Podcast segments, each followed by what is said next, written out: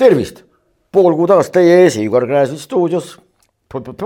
kõik elus terved jah, ja tähendab, täna me lõpuks jõuame selle teema juurde, millest me oleme kogu aeg tahtnud rääkida, milline on teaduse osa Eesti ühiskonnas ja, ja üldse teaduse osa ja kus kohas ütleme, rõhuv enamus Eesti ajakirjanikest puusse paneb.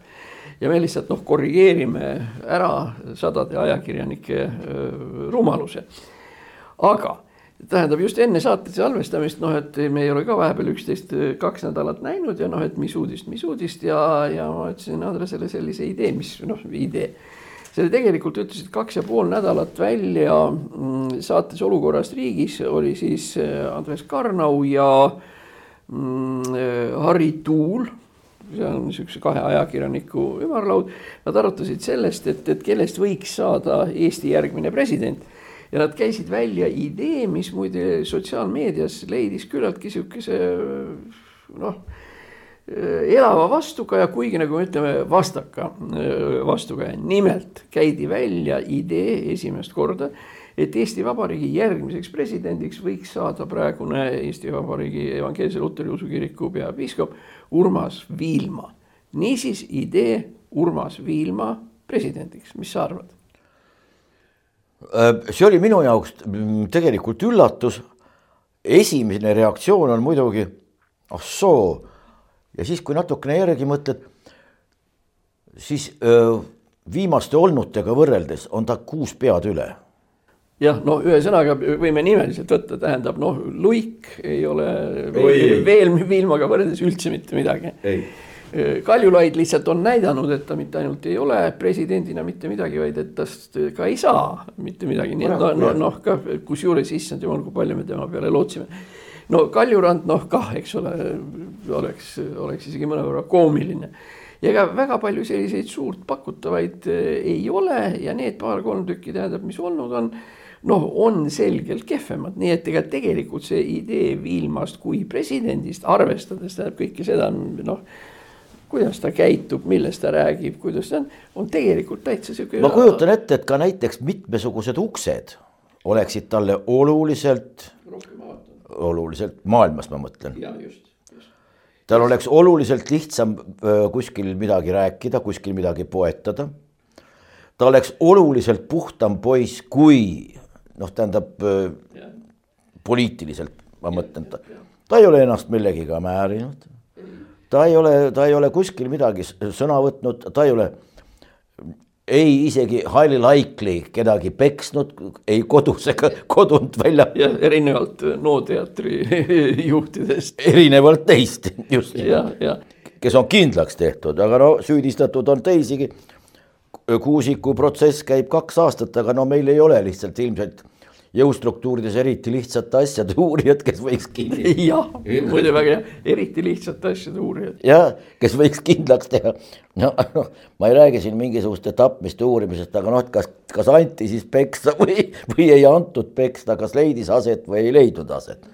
no kui kaks aastat võtab selliste asjade uurimine aega, siis ma ei kujuta ette, kui oleks veel öelnud, süüdistanud mingisuguses sallimatuses või milleski muus, aga võib-olla siis oleks just vastupidi, väga kiiresti käinud asi. jah, võib-olla isegi ütleme, Viilma puhul on, on väga oluline see, kuidas ta enda jaoks keerulistes olukordades käitub, ütleme, kui riigile, ma ei usu, et see nüüd lausa esmane küsimus on, aga aga on see homoseksuaalsete abielude küsimus, mis noh, riigi seisukohalt tegelikult on absoluutselt ebaoluline oluline on seal teine aspekt, tähendab kogu selle mm, eh, referendumi või küsitluse agenda tegelikult on ikkagi võitlus hea ja kurja või siis ütleme niimoodi, et eh, liberaalide ja konservatiivide vahel on see palju tähtsam. siis, siis noh, Viilma jaoks on see keeruline probleem, ta peab selle ju noh, lahendama kiriku, kiriku sees ja kirikute vahelised, ka rahvusvahelised ja see tähendab, kui täpselt ja hästi ja rahulikult ja soliidselt on ta seda agendat praegu noh, õiendanud ja ajanud ja nii edasi no kujuta nüüd endale ette, et meil oleks niisugune president, päris uhke tunne oleks. oleks muidugi. muide, ta näeb veel lisaks kõigele ka hea välja, mis ei. mis ei ole üldse vähem tähtis. mis ei ole kõige vähem tähtis. kas, kas te kujutate endale ette, et näiteks Ühendriikide presidendiks kandideerib keegi mingi? ei, ei kujuta ette aga Ronald Reagan, missugune ta oli, kõlbab absoluutselt igale poole ja ta kunagi isegi ütles kuskil, et andke mulle ükskõik mis tekst, küll mina juba hoolitsen selle ettekandmisest, lõppude lõpuks ta oli, no ta oli professionaal.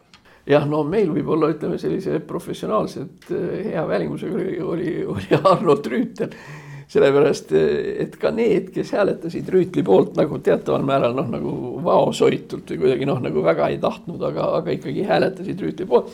seal oli alati lause, mis oli tollastes valimistes ja kehtib tänase päevani. Seal oli alati lause aga ta näeb hea välja. ja muidugi. jah, see tähendab, et keegi ei öelnud, mis selle aga ees oli aga, aga noh, hea küll jah, jah, nii et. vaieldamatult ääretult soliidne figuur, vaieldamatult no kui me nüüd aga tahame teaduse juurde minna, millest me oleme lubanud juba mitu korda käia, siis jah, siis ta astuks nagu sammu Viilma suhtes kõrvale sest ma väidan seda, et, et Eestis on üldse praegu ainult kaks inimest, kelle arvamused lähevad korda, kes oskavad arvamusi esitada, kes oskavad soliidselt käituda niimoodi, et kogu Eesti rahvas tõesti tunneb, et nendega räägivad noh, mõistlikud ja targad inimesed.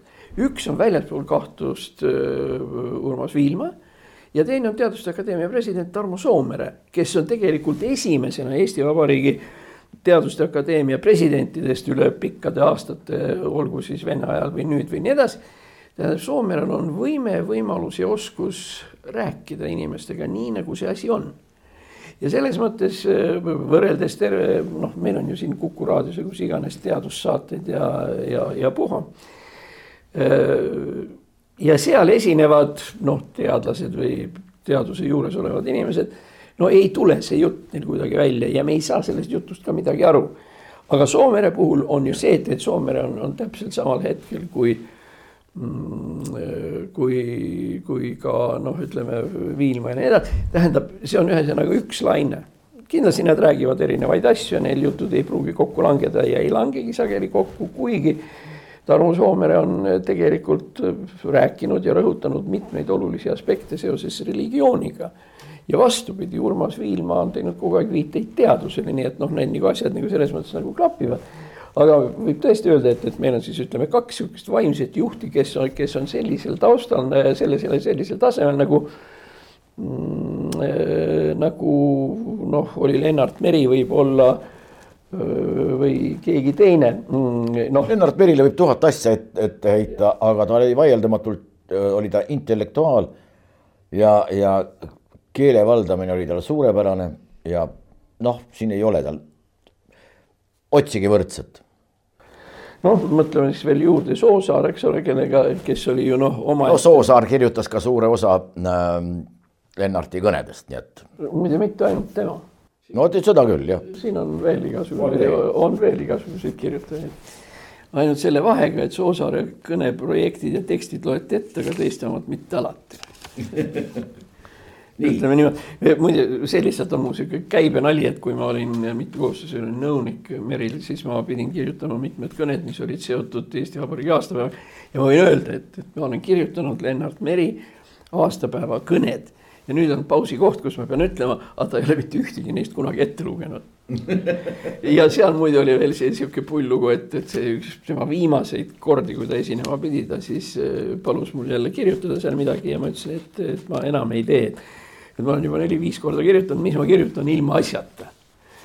ja siis ta ütles, noh, Igor, et kui sinust kunagi president saab, siis sina otsustad, kes kirjutab ja kes ei kirjuta, nii et, nii et nii palju nendest, aga ja see Soosaar ja pane tähele, kui ma nimetasin Soosaar, see on terve põlvkond tarku inimesi. Tähendab, me paneme siia juurde praegu ütleme Anto Raukas ja Endel Lippmaa siia juurde ja pärast seda hakkad vägisi vaatama, et aga huvitav, et vot see tase meie teaduses ja teaduse populariseerimisel praktiliselt puudub.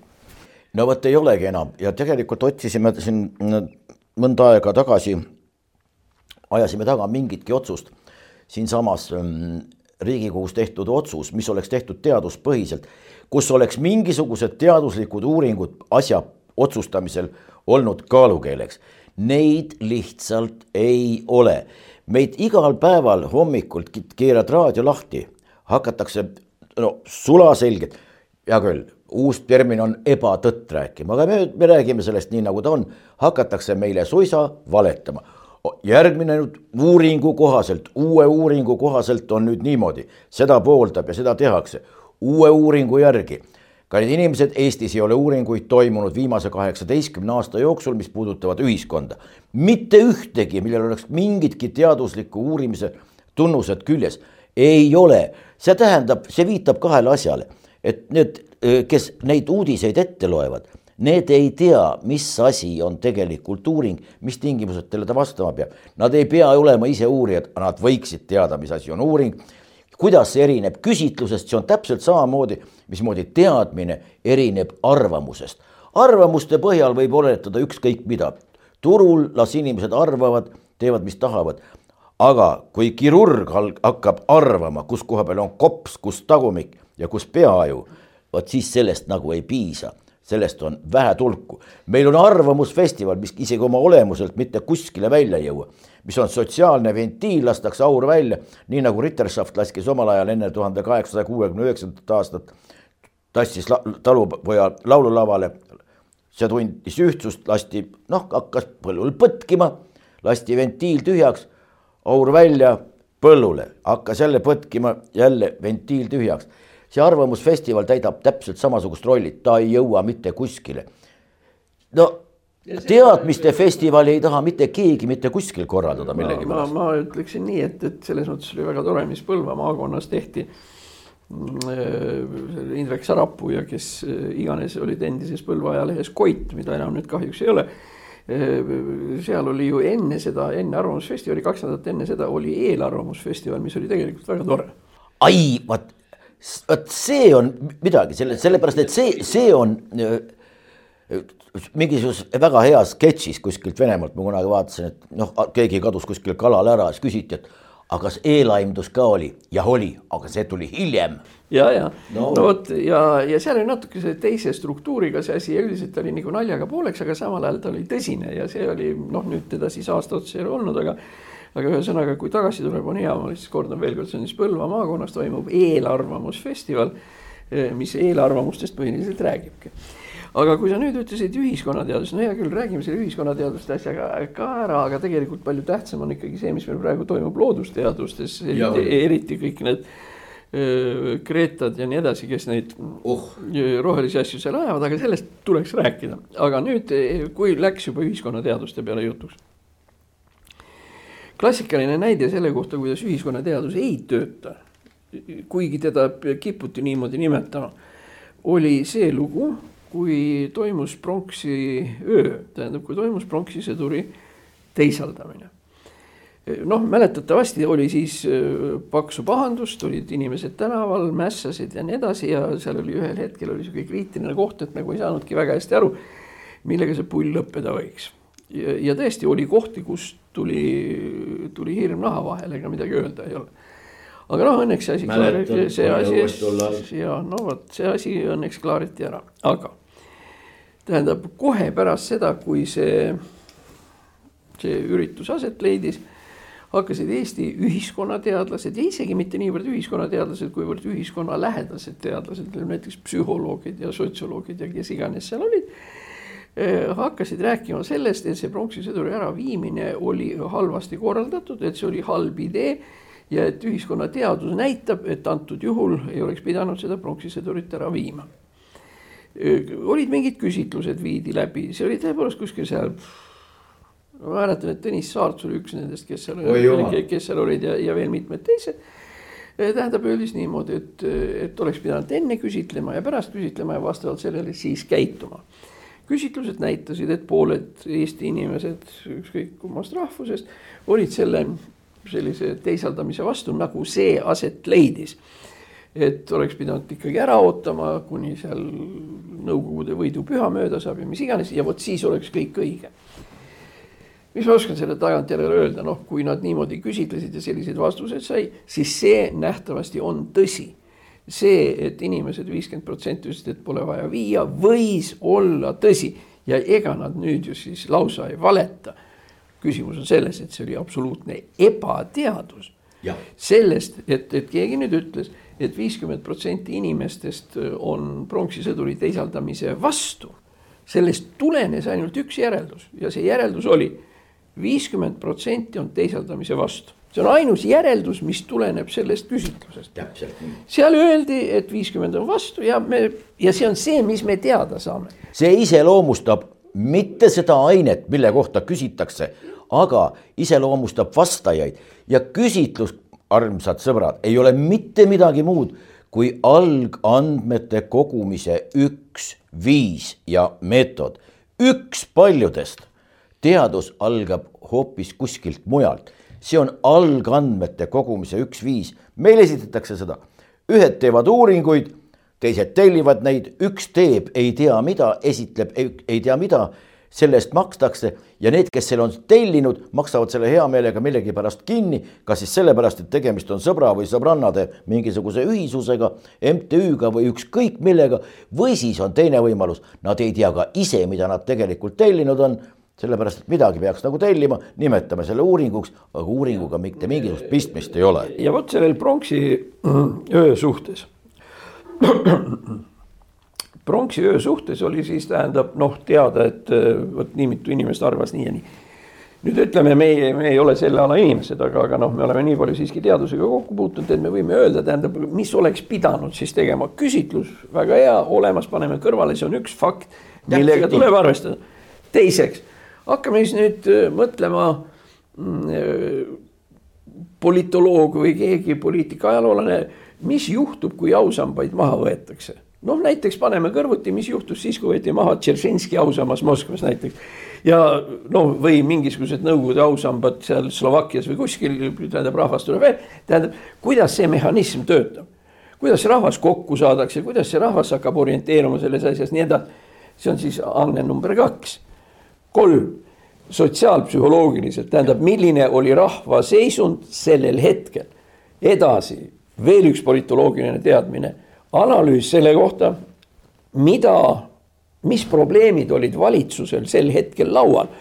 kui palju või loogiline küsimus, kui palju oli Vabariigi Valitsusel aega, närve ja mõistust selleks, et selle teemaga tegeleda.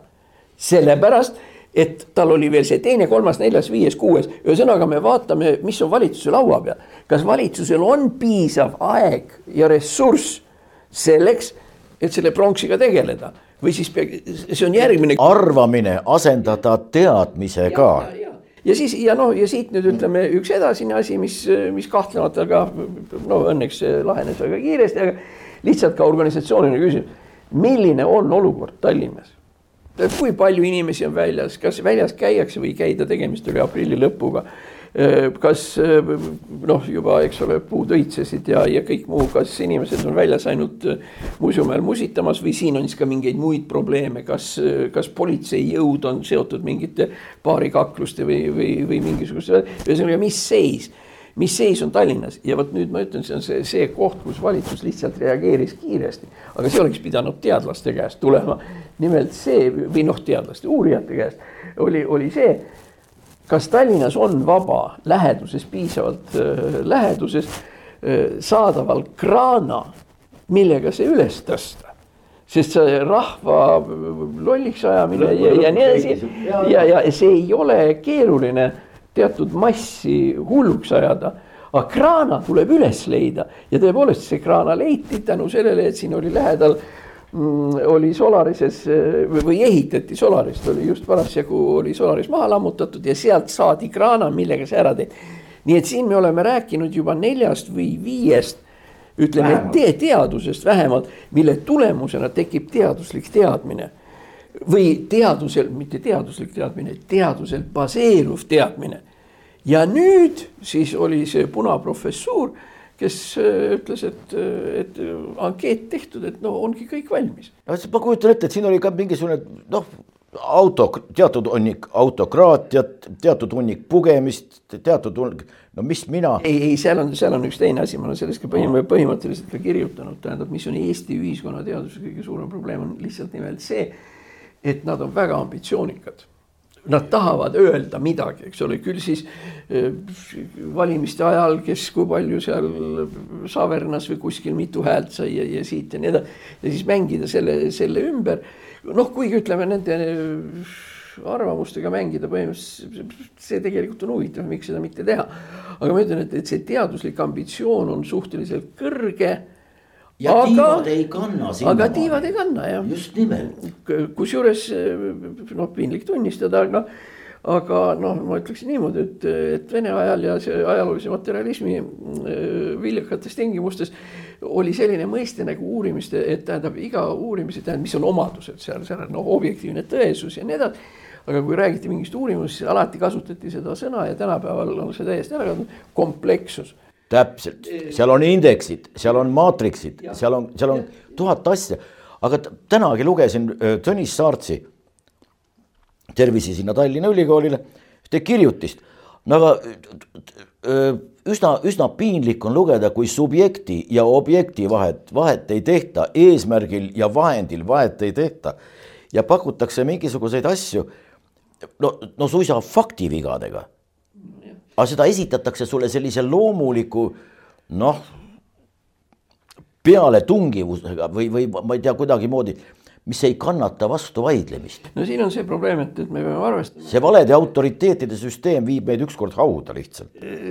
noh jah, ja teine asi, mis ta ei vii vast otseselt hauda, aga lihtsalt see ühiskonnateadus ise läheb hukka. Ta juba suurel määral ongi läinud. jah, jah, aga, aga ma ütlen, noh, kõige hullem lugu on see, et, et selles ei ole nagu midagi väga nii kohutavalt keerulist sest lõppkokkuvõttes see ainult üksi, see on nüüd praegu siit võetud ja noh, korraks ainult tähendab, ainult see, mis me siit praegu välja käisime, oli siis, eks ole, küsitlus, sotsiaalpsühholoogiline, politoloogiline poliitilise ajaloolane ja mingi asi oli veel. tähendab, meie siin kahe peale mõtlesime noh, viis sellist noh, erimeetodit või eri valdkonda välja, mis peavad omavahel kokku jooksma, et asi, et asi käiks. rõhutades meie mõlema tagasihoidlikkust selle peale tulemine ei ole väga keeruline. selle peale võib enam-vähem põhimõtteliselt igaüks tulla. Aga, aga, aga selle peale peab mõtlema ja, ja vot mingil määral võib-olla ütleme, meie ühiskonnateadustes üks väga suur probleem on see, et, et me nagu magasime noh, ajalooliselt maha ühe sihukese huvitava asja, mille me nüüd saime nagu mänguasjana kätte ja tahame sellega mängida. ja see on siis äh, sellise kuulsa firma nagu Gallup Gallupi avaliku arvamusküsitlust, me, meile ütleme seitsekümmend aastat meil seda ei olnud. Ja ka praegused, eks ole, kellest me räägime, noh, ütleme siuksed punaprofessorid ja nii edasi. Eh, nende lapsepõlves ülikoolis käies seda ka ei olnud aga kui sa esimest korda Gallupit näed, on ta tegelikult päris kihvt ja ta, ta, ta tõeliselt huvitav, vot ütleme nii arvavad, see naa arvavad, kolmand, neljand moodi. miks mitte teha, aga vot selle mängu juures on see probleem et äh, unustatakse ära, et, et Gallup on see on ka huvitav, aga see ei ole otseselt see kõige parem ja kõige vajalikum ja nii edasi. ja no kuule, lõppkokkuvõttes me peame siiski ütlema, et, et ajalooline materialism või isegi teaduslik kommunism äh, Nende ennustusvõime oli oluliselt suurem kui praegusel vabal ühiskonnateadlasel teadusliku kommunismi äh, esindajad ja nii edasi ütlesid siiski juba kuskil viis aastat enne Nõukogude Liidu kokkukukkumist, et siin on nüüd kaks varianti ja analüüsiti mõlemad variandid läbi. Kaheksakümne viiendal aastal öeldi, et, et variante on kaks, arvestades, mis on majanduses, teaduses ja nii edasi kommunistlikus ühiskonnas toimunud on. variant A tuleb uus diktatuur, tähendab Stalin või Hitler või nii edasi Nõukogude Liidus või see asi kukub kokku kusjuures ma mäletan, et selle uurimistöö sisu oli selline, et, et diktatuuri me ei taha, aga ta on tõenäolisem. aga kokkukukkumist tahame me veel vähem, et siis tuleb bardakk ja mis ka juhtus. mis ka juhtus. Mis ka juhtus ja kusjuures prognoos oli põhimõtteliselt oli täiesti õige, ilma ühegi küsitluseta, ilma ainsagi küsitluseta. sotsioloogia labor Tartu Ülikooli juurde pandi püsti ja mis likvideeriti muide Mikk Titma suure abiga äh,. likvideeriti tema abiga või? no loomulikult no seal olid personaalsed ambitsioonid juba mängud, noh nagu, nagu tavaliselt ikkagi mingite nende intriigi taga. teaduse puhul on see kogu aeg. no loomulikult, aga praegu pretendeerivad teadlaseks need, kes paraku seda nimetust kanda ei tohiks ja, ja kui isegi vaata, meil ju nimetatakse kõikvõimalikke tegelasi, kus järsku kuskilt välja ilmunud tegelasi nimetatakse ekspertideks ühes või teises asjas.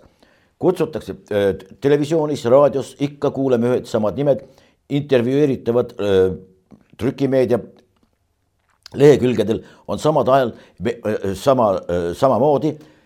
nüüd selle valdkonna ekspert ütleb meile seda ja niipea, kui hakkad huvi tundma, ma olen seda muide teinud, kes on talle selle kvalifikatsiooni omistanud, et teda võib nimetada eksperdiks?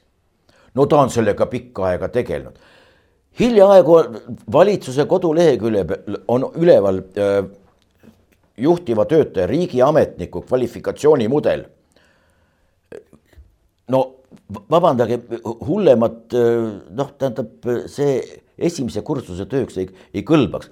Mina muidugi noh, oma jonnakust no siin omajagu huvi loomulikult ka kõigepealt tundsin huvi, et kes selle taga on, kes selle koostanud on. ja tuleb välja siis tuntud nimed, kes paraku osutuvad selles teemas olevat mittekompetentsed ehk ebapädevad.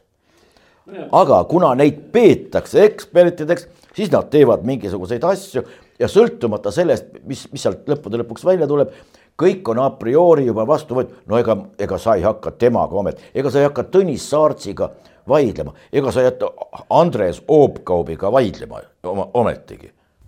ja, või Ahto Lobjakasega. kuidas? Ahto Lobjakasega ka no ilmselt Ahto, Ahto Lobjakasega ka jah jah, vot siin oli õnneks ta vist on, mina ei ole eriti televiisori vaataja, aga ilmselt on see vormel nüüd ära kadunud, mis oli päris jube sellest seisukohast oli niimoodi, et olid noh, nagu jutumärkis kaks meeskonda või mingisugune ümarlaud või kaks erakonda või nii edasi, kes vaidlesid omavahel ja pärast siis saatejuht läks eemale ekspertide laua juurde, kes istusid seal siis kuskil eemal ja siis hindasid seda, mis siin vahepeal oli Eh, seda, mis siin oli vahepeal toimunud. ja, ja kusjuures kõige hullem lugu on see, et eksperdid, eh, kõige rohkem eksperte on meil poliitika vallas eh, unustades seejuures ära, et, et kui on tegemist kahe ükskõik millise erakonnaga, kes asju klaarivad omavahel ja vaidlevad ja nii edasi. siis need mõlemad erakonnad ja nende mõlema erakonna kõik liikmed on, kui mitte eksperdid, siis vähemalt selle valdkonna professionaalid me peame möönma seda, et, et mine siitsamast alla Riigikogu saali, võta esimene natist kinni, too siia ja ta ongi proff. sellepärast, et esiteks teda on valitud, teiseks ta kogu aeg vastutab millegi eest ja nii edasi. ja ta on. vastutus on teoreetiline. ja, ja sellepärast, aga ta on, ta on ekspert ta on ekspert, sellepärast ta on selle käigu läbi teinud, noh, või noh, võtame sellise näite, üks nendest ekspertidest, kes seal seisab või olgu ta siis teoreetiline või mis, mis tahes vastutus pealegi, aga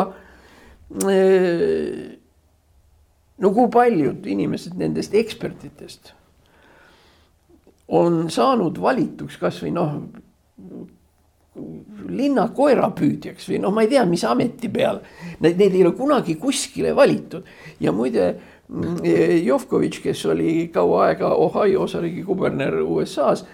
aga tema eripära oli selles, et ta oli ka politoloogia professor ja siis ta ütles, eh, tal oli kateedris seal kümme inimest, kes töötasid ja nii edasi ja siis ta ütles, noh, et ärge võtke neid nüüd nii väga tõsiselt või nii edasi. et sellest kümnest inimesest ainult üks suutis saada valituks kateedri juhatajaks ja see olen mina.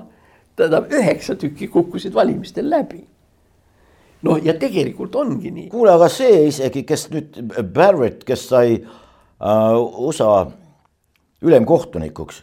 aa, see tüdruk või? see tüdruk, see on sinu õpilane. see on minu õpilane jah, ei väga hea tüdruk on, aga ega see ei tähenda, et ma oleks hommikust õhtuni taga tegelenud, aga ta istus mul seal saalis ja me oleme omavahel rääkinud ja nii edasi. saalis oli kuus, kuuskümmend inimest. aga see on, muide, see on, see on üks päris niisugune noh ma ei, ma, ma ei kujuta ette, kui seda oleks teinud Tõnis, Tõnis Saartsi õpilane. Olgu, no no vot ühte niisugust eksperti kuulus, kuulasin ma paar päeva tagasi, no äh, Karabahhi küsimuses.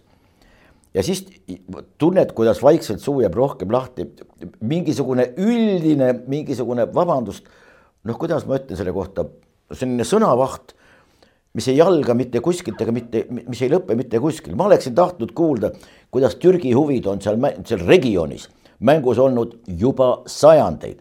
tuhat üheksasada viisteist, mis seal toimus, Armeenia Türgi, kuidas see Aserbaidžaan üldse tekitati, mis, mismoodi, et tuhat üheksasada nelikümmend kahes Euroopa pealinnas oli otsustatud see, kuidas Türgi tungib kallale maavägedega. Kuhu kohta? Kaukaasiasse, sellepärast et tähtis oli nafta ja kui tol hetkel, muide Pariisis ja Londonis teati suurepäraselt, kui Türgi selle vabaduse ära annab, siis tol ajal naftatehnoloogia oli hoopis teistsugune, need olid maa peal sellised basseinid. üheksakümmend protsenti Nõukogude Liidu naftast tuli sealt. autod ei oleks sõitnud, lennukid ei oleks lennanud, tank ei oleks ühtegi pööret teinud ja oleks ja Aadu oleks marssinud Moskvasse julgelt välja. Niimoodi need plaanid tõmmati kahjuks maha, sellepärast et Aadu korraldas enne Euroopa vallutamise ja Soome sõda lõppes eelnevalt juba ära, sellepärast et ette oli nähtud Vladivostok, Veljarang, tähendab, ma oleks tahtnud selliseid analüüse kuulata, mingisuguseid ülevaateid, neid, kust koha pealt need juurikad tulevad või kus need konflikti juured on. aga mitte seda, et noh, ma ei tea, et nüüd praegu võib täheldada seda ja, ja, ja, ja või, või teist mida me kõik ammu teame. selleks, et, selleks, et ühiskonnateadustega no,, jah, selleks, et meil ühiskonnateadustega Eestis edaspidi halvasti ei läheks või halvemini, on olemas üks, üks lisatingimus, mida kahjuks ei valitsus ega, ega keegi nagu ei märka, imelikul kombel isegi, isegi ministeerium mitte täiel määral, haridusministeerium. nimelt see, et selleks, et ühiskonnateadus edasi areneks eriti veel sihuke teoreetiline ühiskonnateadus, kaasa arvatud sotsiaalfilosoofia, lihtsalt filosoofia ja sellised, on, on üks tingimus. nimelt filosoofia keskusi peab olema Eestis mitu. sest filosoofid arenevad üksteisest, üksteisega võisteldes ja olles erinevatest keskustest. Tallinna filosoofia, Tartu filosoofia nende vahel tekiks automaatselt noh, vaidlus või isegi koolkonnad läheksid lihtsalt laiali, me näeme seda, mis praegu toimub õigusteaduses. tänu sellele, et Tallinnas ja tipis on olemas üks õigus ja Tartus teine. Need on kaks erinevat koolkonda, nad, nad on kõik õigusteadused, aga lihtsalt selleks, et mõista, tähendab, kuidas kuidas ühte või teist valdkonda interpreteerida, tähendab, milline suhtumine on olemas ühtedesse või teistesse õigusrikkumistesse või õigusjärgimistesse ja nii edasi on olemas nii, kuidas tartlased asjast aru saavad ja on olemas nii, nagu tallinlased sellest aru saavad. selline käsitlus ka, et räägitakse, et vot Tallinnas mõistetakse no tähendab, toimub uurimine ühel viisil mingite ühtede põhimõtete järgi, aga Tartus, no Tartu prokuratuur, see tegeleb, tegeleb, tegutseb. no, no see, see Tartu prokuratuur muide on just nimelt see, mis tuleks kinni panna. Sellepärast, et Tartu prokuratuuri eripära on see, et need panevad kinni inimesi vasakule ja paremale, eriti kui need on seotud kohaliku omavalitsusega, tähendab me, meil on Ülenurmes oli, tähendab, mõisteti mehe üle nii kaua kohut, et kolmandal päeval pärast seda, kui ta õigeks mõisteti, ta suri sellepärast, et no, kuule, oli Lemberi, Lemberi, lugu käib tänaseni, eks ole, Aivar Soop oli praktiliselt kaks-kolm aastat. ja nii edasi, ühesõnaga võib-olla see, mis, et Tartu prokuratuuri nii kaua aega kannatati ja et neil lubati tegeleda avameelsete sigadustega kuni viimase ajani, on muidugi, siin me peame ütlema aitäh mitte koolkonnale ja mitte teadusele, vaid personaalselt peaprokurör Lavly Perlingule, kes tegelikult kogu aeg seda Tartut soosis, kattis, viskas teki peale, et keegi, et neil halvasti ei läheks ja nii edasi kusjuures Tartus noh, oli, oli palja silmaga näha, et tähendab täiesti tõendamatud asjad liikusid ja nii edasi. aga see on nüüd üks küsimus, teine küsimus on see, et kui me võtame näiteks noh, ütleme, et Tallinna advokaat esineb ühtemoodi, Tartu advokaat esineb teistmoodi. kas on ka vahet? noh, praegu vast on ikka, aga, aga ma, no vähemalt ma väidan, et, et juuras rakendamine toimub dialoogis et see ei saa olla niimoodi, et kõik kohtunikud, prokurörid ja nii edasi on pärit ühest ülikoolist. no see ei ole võimalik. aga meil ta sinnapoole muide on läinud, muide minul oli, ma olen selle teemaga väga hästi kokku puutunud, kaheksakümmend kaheksa vist Rahvarinne ja kõik, mis seal käisid. oli niimoodi, et, et üks minu väga lugupeetud vanem kolleeg Tartus kaebas kohtusse ja, ja päris tõsiselt tähendab au haavamise ja ma ei tea, mis asjade eest sellepärast, et ma kasutasin kuskil väljendit, et see tema seisukoht mingis suveräänsuse mingis küsimuses on sihuke eht marksistlik, nõukogulik või midagi taolist. tema kiiresti solvus selle peale ja läks. ja, ja me käisime kohut ikka, ikka, ikka üsna tükk aega, kusjuures minu advokaadiks oli siis tookord oli Ants Frosch, kes oli pärast Eesti välisluure esimene ülem aga, aga ta oli minu aspirant ja siis noh, ja mina istusin muide sel ajal Moskvas ülemnõukogus. nii et ma olen seal käinud või noh, ma saan aru, mida see tähendab ja, ja see tähendabki seda, et, et ühel juhul on, ütleme, hinnangud ühesugused, teisel juhul on teistsugused. no seesama näide, kas on solvav, ei ole solvav, mis siis edasi sai, sai ja nii edasi. ja pärast siis selle lugupeetud õppejõuga, kes oli ka Vabariigi Valimiskomisjoni liige, kui ma siinsamas Riigikogus andsin vannet ja kirjutasin sinna alla ja tema seisis kõrval ja nii edasi, nii edasi, siis ma ütlesin, et, et sa oled mulle Nõukogude kohtupidamise aegadest viisteist rubla võlgu ta pidi mu selle paksu konstitutsiooniraamatuga maha lööma. aga, aga noh, selline asi on olnud, nii et noh, no ütleme niimoodi, ega, ega see igal pool ei, ei ole tingimata vastandlik ja erinev, aga mõttelaad, traditsioonid on erinevates kohtades, on mingil määral erinevad. aga no hea küll, me rääkisime praegu juurast. Aa, noh, veel lihtsalt üks näide, kus mingil määral Tartu ja Tallinna vahel oli teatav vahe oli sees. kaitse, noh, noh, kuidas seda hinnata, tähendab ühte tõendit või mitte, oli seoses vendade voikadega.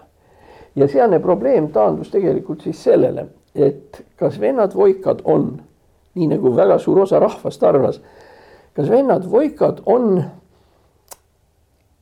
metsavennad?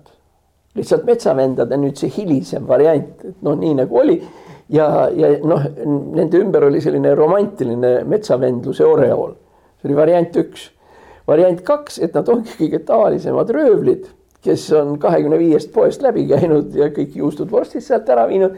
ja kahel juhul, ükskord miilitsa ja ükskord juba politsei juhul on äh, nende käest relvad ära ühel juhul varastatud, teisel juhul päris tõsiselt ka võetud. ja noh, no ongi ju nii, tähendab, kuidasmoodi sa tõlgendad seda. ja, ja kuidas nii, noh, see on jälle üks näide, tähendab, kus ütleme ja mõlemad seisukohad on omast kohast õiged. Lõpuks noh, asi päädis sellega, et, et üks neist äh, läks äh, lühikeseks ajaks psühhoneuroloogia haiglasse ja teine sai kas kaks või kolm aastat tingimisi millest ta vast ühe aasta ära istus. aga ma toon selle näite selleks, et, et noh, näiteks juuras on nii, et noh, kus erinevad seisukohad on. võtame veel parema näite, võtame filosoofias.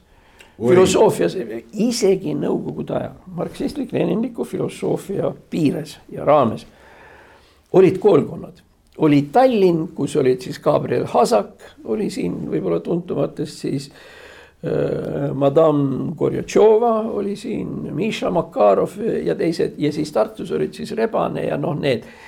Nad said omavahel hästi läbi, ega selles pole küsimus ja tehti seminare koos ja nii edasi, aga ega see filosoofiline arusaam on ikkagi üsna teistsugune. eriti kui me räägime veel praegu, mul turgatas meelde loodusfilosoofiast, kus Tallinnas oli, eks ole, Lembit Valt, ütleme bioloogia, filosoofia ja nii edasi, nii edasi. ja Tartus oli siis Rein Vihale Nad said hästi läbi küll, ei, kõik on okei okay,, aga need olid kaks erinevat koolkonda. inimesed, kes ühiskonnateadusi tahavad edasi arendada, nad peavad suhtuma oma jutumärkides vastastega. või noh, see, kellega on vaielda. loodusfilosoofia, oi, me peame hakkama vaikselt õpetama ka, aga enne, sa ei pääse siit enne, kui paar sõna siiski tahaks kuulda ka selle rohelise ah,. rohelise kohta nüüd niisugune, niisugune värk on tähendab, kontrollisin üles see, kes on ära kadunud, Greta Thunbergi. noh, see on see tüdruk, kes rääkis, oled vaadanud? nüüd, ei, nüüd on ta kadunud. ja ei, aga mine Youtube'i sisse. mine Youtube'i sisse ja siis sa näed, et esiteks noh, ta süüdistab kõiki, ta no,, ta, on sotsialistlik siis. talt on lapsepõlv varastatud, kuidas te julgete, how dare you? vahi, sa tead paremini kui mina ja, ja kõik on õige ja et kolmekümne aasta jooksul it has been crystal clear on absoluutselt kindel olnud, et, et see soojenemine ja nii edasi, nii edasi, nii edasi. tõenäoliselt me peame ühel või teisel määral selle juurde küll veel tagasi tulema, aga see Greta Thunbergi on, on omast kohast väga õpetlik näide, kohe üliõpetlik näide, kus teaduse lähedal hakkab levima teadmine, mida siis määritakse inimestele pähe ja mille, sellel Gretal on õigus kliima soojeneb. tõsi, kliima soojeneb. aga seda, et see soojeneb inimese tekkelt või inimese selle järgi, ei ole eriti tõenäoline ja, ja selle kohta me ei ole ka midagi teadnud. ütleme veel kord, et meil on tegemist õpetlastega nagu Endel Lippmaa omal ajal oli, Anto Raukas, nii edasi. Kes on tegelenud just nimelt sihukese pikaaegsete suurte protsessidega, kes ütlesid, ei ole, inimtekkelist seda ei ole. aga nüüd, mis juhtub edasi? noh, kõigepealt, mis täiesti noh, kaks sihukest. Äh, nüüd ütlesid sa midagi välja, ma kujutan ette, et tuleb nagu nagu sa oleks öelnud, õõnestanud liitlassuhteid kellegagi kusjuures muide liitlassuhetes hoiame tagasi, sellepärast et esimene asi, mis äh, Donald Trump tegi, ta tuli Pariisi kliimaleppest ja. välja ja nüüd nad vist tahavad küll tagasi minna, aga mis oli tegelikult absoluutselt õige, sellepärast et Pariisi kliimalepe on sisuliselt ebateaduslik ja noh, tegelikult. Nad on sügavalt poliitilised. ja nad on sügavalt poliitilised, täpselt ja, ja, ja mismoodi poliitiliselt, vot siin nüüd ongi see koht, mida peab mäletama. mispärast need rohelised hullud on ja, ja nii edasi, tähendab hullud meie jaoks on. Nad on hullud sellepärast, et nad ütlevad, et kliima soojeneb järgmistel põhjustel, esiteks on just normaalsed elektrijaamad, milledega me peame sellega tegelema. ja kõikvõimalikud muud autod, asjad ja nii edasi, mis emiteerivad ja, ja no annavad välja CO2 nüüd kui nad on selle kõik kindlaks teinud, siis sellega on surmale määratud konkreetsed tootmisharud. sellised elektrijaamad, teistsugused elektrijaamad ja nii edasi, neid enam olla ei tohi, sest nemad saastavad. ja vastupidi, hakatakse soodustama teisi elektrijaamu, nagu on see, need tuulikud ja muud värgid ma, ma olen lugenud neid arvutusi isegi nende autode koha pealt, mis maksab uue elektriauto tegemine, need, nende akude maa seest kõikide nende metallide väljaajamine, siis vanade autode utiliseerimine, kõik see, see kõik ei ole nii lihtne, nii nagu meile ette joonistatakse, kallid sõbrad, see pilt on vastupidine ja, ja, ja, ja näiteks üks päris hull lugu on, on nüüd otseselt äh, seotud sellega, et, et kui nüüd oletame, see tuulik tekib, ega siis sellepärast vana elektrijaam kuskile ära ei kao. vana elektrijaam jääb alles, miks? Sellepärast selleks hetkeks, kui tuulik seisma jääb, on ju elektrit vaja. Ja selleks, et see elekter ka siis oleks olemas, sellepärast ongi mm, noh, teda hoitakse kogu aeg katlal samas Toompeal oli õpilaste meeleavaldus ja CO2 vastu ja ma küsisin, kaheteistkümnenda klassi õpilane muide, küsisin, tulid juurde, ma läksin ise tegelikult juurde. tere, et, et, et selle CO2-ga ikka väga pahasti, on küll väga pahasti aga palju teda atmosfääris praegu on? no vaata, et pool juba. ma ütlesin, aga tegelikult noh, andmed ütlevad, et null koma null neli protsenti. aga seda on ka väga palju. no mine selle asemel istu koolis, õpi, palju on, palju on tekkinud, mida seal veel on, metaan on näiteks palju hullem ja noh, ja siin on nüansse, kui palju, aga seda võiks teada. no siin ongi nüüd see koht, et tähendab, Greta on kõigepealt puhtalt hüsteerik, väga soovitan vaadata, sellepärast et selle asemel, et kritiseerida no,. ja, ja selles mõttes on inetu kasutada ära Just. ühtede teadmatust, teiste vaimupõde, noh, ütleme vaimu mittetäiust no küll on konstruktsioon. ja, ja jah, tähendab siiralt soovitame mm, vaadata, minge Youtube'i, lööge sisse see Greta nimi ja te saate noh, esimesed kaks-kolm tema esinemist, mis on tavaliselt siuksed kolme-neljaminutilised. ja ilma igasuguse meiepoolse abita, lihtsalt peale visates televisiooni ekraanile selle pildi, te saate aru, et tegemist on haige, ebastabiilse inimesega ja seda inetum et ütleme, tema vanemad ja nii edasi on seda ekspluateerinud. aga nähtavasti tal noh, nüüd siis käis mingi see krõks ära, et noh, nüüd edasi ei tule enam välja. mul on pilt ta kodus, mis on tehtud, mis on ta Facebookist. Äh, mulle rootslased saatsid. ta on voodi ees pikk, äh, maas selle oma arvutiga ja voodist vaatab vastu, kes no.? siga roosa suur siga ja mitte see noh, Vietnami mingi väike põssa, vaid täiesti suur roosa siga. no kui me praegu rääkisime alguses küll väga palju ühiskonnateadustest, et vot, et ebateadus ja nii edasi, siis see ei ole ainukene. see ei ole ainukene, aga, aga seal on kindlasti neid veel. on roheline on selles mõttes musternäide selle kohta, kuidas noh, ebateadus levib yeah.. Sest tegelikult noh, täiesti kindlasti me võime öelda, et näiteks noh, nagu me alguses nimetasime, näiteks Tarmo Soomere või, või Anto Raukas. noh, ei lubaks endale selliste lolluste väljaajamist mitte kuidagi. aga nähtavasti selle Greta taga on siis mingisugune ajakirjanduslik või sihuke bänd või punt, kes lihtsalt tegi sellest loo ja see tõenäoliselt on ka niisugune noh, mitte väga võimas. ärihuvid ka täpselt. ei no täpselt jah, aga siis, siis on jällegi selge. Al Gore isegi taga ja seal, seal on noh, keegi, keegi peab selle muusika kinni maksma. selle Gretaga ei tea, kas väga nii peabki, sellepärast et, et ta tegelikult saavutas selle, mitte mida tema tahtis. ma ei tea üldse, kas ta midagi tahtis, aga igal juhul saavutas ta selle, et terve valdkond, terve rida igasuguseid tootmisharusid, sealsamas ka autotööstus, vedurite, lokomotiivide tööstus, elektrijaamad ja nii edasi, nii edasi. no saidki paugu ära, tähendab nüüd ei olnud koroonat tegelikult vajagi juba tuli ära, muide üks põhjus, mispärast see Greta minu arvates on praegu ära koristatud, on just ka koroona.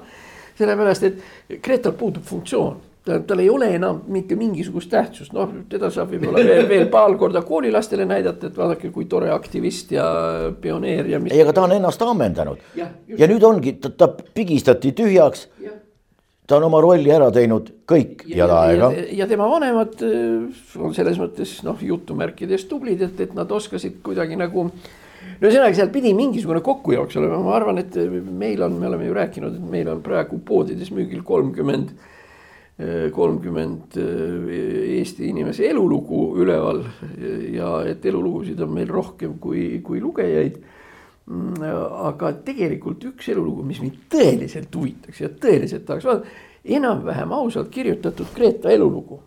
tähendab, mind huvitab just see nõks, kuidas ühest lihtsalt noh, mentaalselt ebastabiilsest ja sellisest tüdrukust sai järsku staar propagandasõjas või ütleme propagandaaktsioonides, mis on seotud mingil määral siiski teadusega. sest, sest noh, see, mis Greta tegelikult tegeleb on ju seal, on ju teadusega seotud, need on nagu need sinu CO2 omad ja nii edasi, nii edasi, nii edasi. ja siit muidugi kerkib üles järgmine probleem, kuigi me loodusteadust jõudsime täna vähem rääkida, on see, et võib-olla ka Eestis ja me peaks esitama endale küsimuse, et milline on teadlase vastutus tähendab, tähendab, kuidas teadlane millegi. siin on püha kolmainsus, vastutus, õigused, kohustused Need kolm tükki peavad koos käima. meil räägitakse ainult mingisuguse seltskonna õigustest, nende kohustustest ei räägita mitte midagi. ja selline vastutusest ei taha keegi midagi kuuldagi.